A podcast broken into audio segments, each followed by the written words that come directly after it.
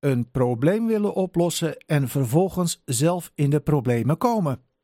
Dit overkwam Noorderling Bert de Boer, die afgelopen woensdag insprak in de stadstelcommissie. Hij wilde jongeren namelijk de mogelijkheid geven om een balletje te trappen. En daarom juichte hij de komst van een kunstgrasveldje toe, ook al was het vlak bij zijn achtertuin. Het kunstgrasveld zou een stukje verderop komen, alleen daar was de buurt op tegen. En toen hebben wij bedacht, uh, kindjes moeten kunnen blijven sporten en wel zo snel mogelijk. Laten we het toegankelijk maken. Wij doen een kunstgrasveld achter ons huis, voor de helft verlicht.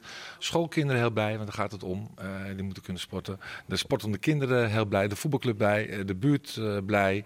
Behalve de gemeente, die dacht, nou, dan gaan we het helemaal verlichten. Dan maken we een stadion achter het huis. En het gaat niet alleen over licht, het gaat ook over geluid.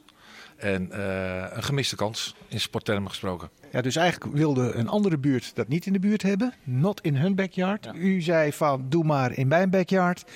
En als beloning gaan er nu lampen aan en is er geluidsoverlast? Dat klopt. Niet alleen uh, lampen aan, maar uh, zeer dicht bij ons huis. Heel veel lawaai, uh, wat voetbal veroorzaakt. En zo hebben we het ook niet met z'n allen afgesproken. Maar op het moment dat er een kunstgrasveldje komt en men gaat voetballen, dan kan je het zomaar hebben dat die mensen wat gaan roepen, wat gaan doen, wat tegen een bal gaan trappen. Uh, heeft u dat dan gewoon verkeerd ingeschat? Nou, overdag zijn we het helemaal goed. Dat hebben we heel goed ingeschat. Uh, en de afspraak was, daar hebben we heel goed over nagedacht, dat voor de helft verlicht zou worden.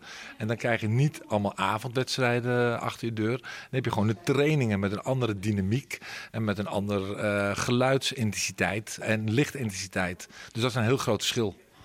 En de gemeente is dus eigenlijk gekomen van, goh, wij hebben hier een vinger, wij pakken de hele hand. Is dat een beetje wat u ervan begrijpt? Nou, dat is uh, volstrekt uh, waar. Dat is, zo is het uh, goed samengevat.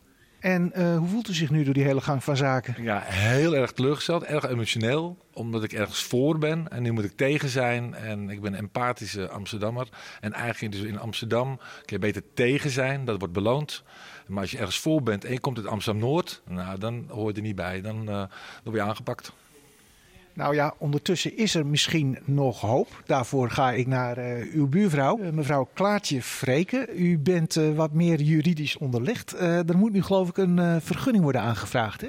Ja, dat, en het is nog niet helemaal duidelijk waarom. Want tijdens het participatietraject werd verteld dat dat niet nodig was. Maar nu inmiddels is dat toch aangevraagd en we weten nog niet precies wat daarin staat. Maar het voordeel daarvan is dat je dan uh, rechtsmiddelen hebt, dus dat je in bezwaar kan. Ja, maar nu heeft de portefeuillehouder Esther Lagendijk inmiddels al wel gezegd... ja, uh, die verlichting, daar hoeft u helemaal niet bang voor te zijn. Want het is tegenwoordig technisch gezien zulke goede verlichting. Helemaal geen strooilicht, uh, niks aan de hand. Ja, nou ja, dat geloven we niet. En dat ten eerste was dat niet de afspraak. We vinden dat de gemeente de afspraak uit het participatietraject moet nakomen. Ten tweede gaat het niet alleen over licht, maar ook over geluidsoverlast. En daarnaast is het ook zo dat gemeenten in het hele land een richtsnoer hanteren die inhoudt dat een, een veld en de verlichting minstens 50 meter verwijderd moet zijn van de achtertuinen van bewoners.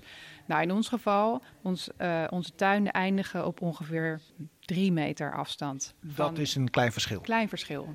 En om tien uur gaat het licht uit, hebben we de portefeuillehouder net horen zeggen. Het zou om elf uur zijn, wordt tien uur. Ja, wat daar de bedoeling van is, snap ik niet helemaal. Want het gaat de hele tijd over de kinderen die moeten spelen. En nou, ik zie niet in waarom kinderen nog na negen uur zouden moeten spelen. Dus wat ons betreft kan dan ook het licht al uit. En die beroepsmogelijkheden waar u het net over had, gaat u in beroep? Ja, dus dat heet dan bezwaar. We kunnen bezwaar maken tegen de vergunningaanvraag. En dat moet dan binnen zes weken. En nou, dan krijg je nog een tijd om je gronden aan te vullen, dus om uit te leggen waarom je precies in bezwaar gaat. Nou, dat wordt allemaal enorm gedoe. Dat kan zomaar een jaar of twee jaar duren. En ondertussen wordt er gewoon lekker doorgetrapt op het veld? Ondertussen gebeurt er niks. Uh, gaat, blijft het veld gewoon zoals het is, namelijk een grasveld. Dus voorlopig bent u nog eventjes uh, uit de problemen zolang de procedure loopt. Begrijp ik dat goed? Dat klopt. Maar dat is niet dat we het toejuichen. We hebben liever nu een makkelijke oplossing met elkaar. En die hebben we hier vanavond aangeboden. Maar die handschoen is niet helemaal opgepakt, hè? Niet uh, heel zichtbaar, nee. Nou ja, werk aan de winkel dus eigenlijk. Ja, dat ja. klopt. Ja, even terug naar u, meneer de Boer. Uh, juridische middelen. Ja, jammer. Dat is uh, echt heel erg jammer.